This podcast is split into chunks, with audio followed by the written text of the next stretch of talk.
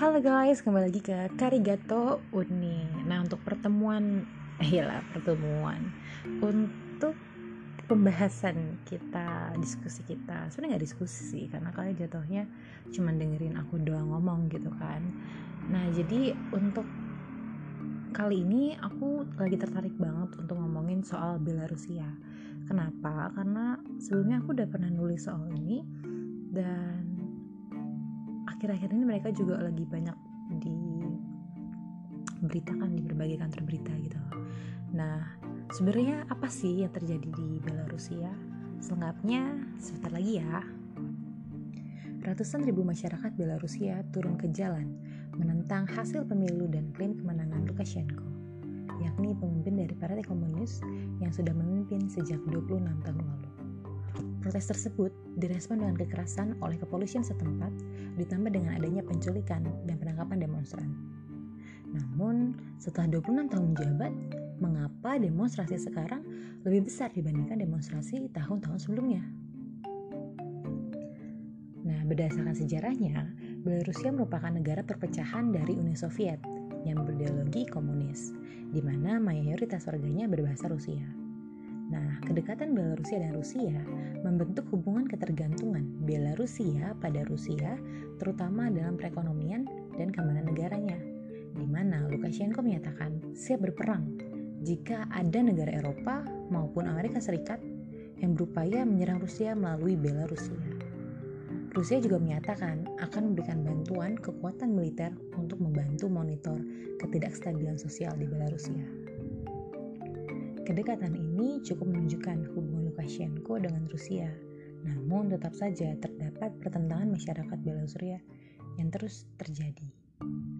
Lalu secara geografis, Belarusia berbatasan dengan dua ideologi berbeda, yakni liberal dari negara Eropa dan komunis dari Rusia, sehingga Belarusia merupakan wilayah yang penting sebagai buffer atau pemisah antara kekuatan negara Eropa dan Rusia agar tidak langsung berbatasan dengan negara berideologi komunis dan negara lain dan sebaliknya.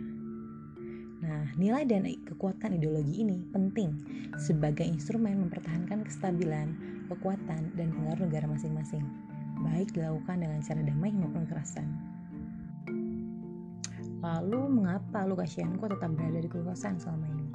Secara garis besar, Kepemimpinan otoriter Lukashenko membuat kekuatan pertahanan keamanan, yakni polisi dan militer, tetap loyal atau terpaksa loyal dan mendukung dan mendukung posisi Lukashenko, yang ditambah dengan kedekatan dan dukungan dari Rusia. Nah, kepemimpinan kekuatan ini cukup menahan desakan domestik, termasuk meredam kekuatan-kekuatan oposisi Belarusia. Demonstran yang turun ke jalan banyak yang diculik dan ditangkap, di mana pemimpin oposisi yang turut menyuarakan demo ini yakni Tikhanovska sampai melarikan diri ke Lituania untuk alasan keamanannya dan keluarganya pada masa pemilu dan demonstrasi berlangsung. Jika dikaitkan dengan hasil pemilihan Belarusia tanggal 9 Agustus 2020 tahun kemarin, dilaporkan terdapat manipulasi, di mana petugas pemilu umum, pemilihan umum atau pemilu di Minsk, Vitebsk, dan beberapa wilayah lain mengatakan mereka diminta menandatangani dokumen yang menyatakan hasil pemilihan valid namun dengan jumlah total yang sudah dikosongkan. Hasilnya adalah pemilu tersebut memenangkan Lukashenko dengan total 80% yang mendorong pertentangan banyak pihak termasuk oposisi dan aktivis yang turut memonitor penyelenggaraan pemilu ini dan mereka menyatakan banyak sekali keluhan serta pelanggaran yang dilaporkan. Melihat berbagai upaya mempertahankan kekuasaannya, Lukashenko banyak menggunakan kekerasan dan menyalahi hak asasi manusia karena tindakan penculikan, penangkapan dan ribuan demonstran, termasuk tewasnya beberapa demonstran yang menolak hasil pemilu Belarus pada tahun tersebut. Gerakan protes ini ternyata meluas dan menyebabkan konflik sosial antara masyarakat dan kekuatan pemerintah yang menjadi konflik nasional Belarus yang juga berpotensi untuk menjadi penggerak gerakan-gerakan nasionalis lain di wilayah Rusia maupun Eropa. Lalu apa yang mendasari gerakan protes ini? Setiap gerakan protes memiliki dasarnya masing-masing, di mana jika dilihat dari gerakan protes tahun lalu seperti tahun 2011 di Belarusia, protes ini didasari adanya permasalahan stagnansi ekonomi yang terus berlanjut bahkan hingga tahun-tahun berikutnya dan sekarang. Permasalahan stagnansi ekonomi ini membuat negara harus banyak bergantung pada Rusia, di mana tetap banyak masyarakat yang kehilangan pekerjaan dan adanya penurunan pendapatan. Kondisi ini mendorong masyarakat turun ke jalan untuk memprotes Lukashenko yang tidak mampu memberikan kesejahteraan pada masyarakat, terutama dengan kondisi ketidakstabilan di era pandemi COVID-19 ini. Dengan suasana atau kondisi ketidakpastian ini, gerakan protes masyarakat tahun 2020 terus meluas bahkan hingga sekarang teman-teman. Semakin luas, semakin besar, hingga muncul gerakan kritik politik yang membuat adanya gerakan anti pemerintah yang terus mendesak Lukashenko mundur.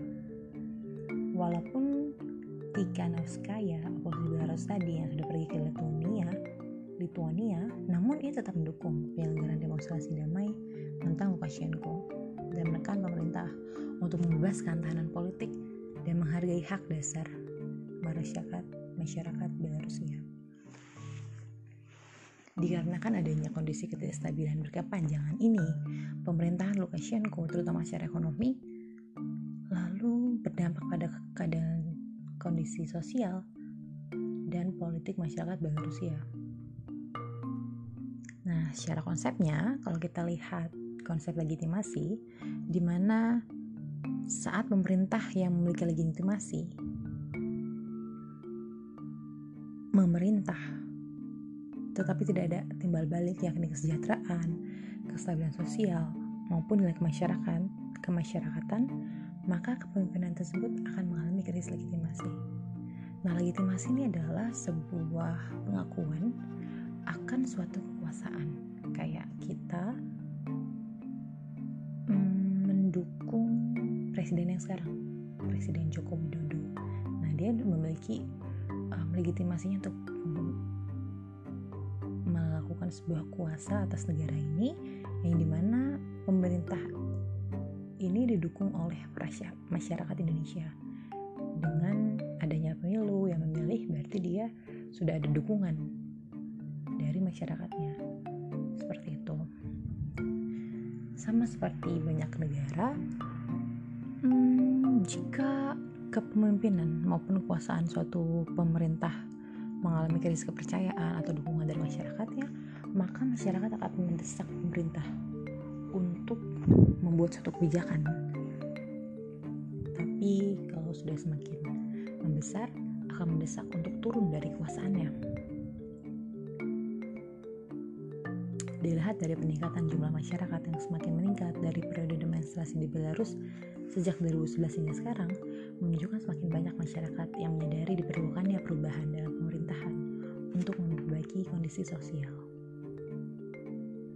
Selanjutnya, dalam kasus Belarus, ideologi juga menjadi faktor yang penting yang mendorong perubahan dalam sistem pemerintahan Belarus.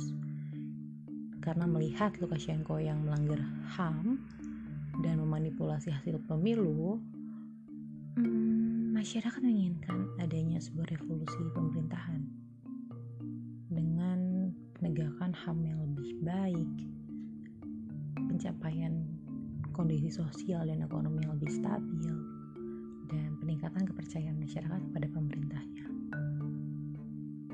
Tentunya kondisi ketidakstabilan sosial ini akan sangat mempengaruhi dan menjadi kekhawatiran sendiri untuk berbagai negara di sampingnya, di regionalnya seperti Rusia dan Eropa seperti yang sudah kita jelaskan tadi bahwa ini bisa memicu banyak gerakan sosial baru atau bahkan membuat kondisi kestabilan ini meluas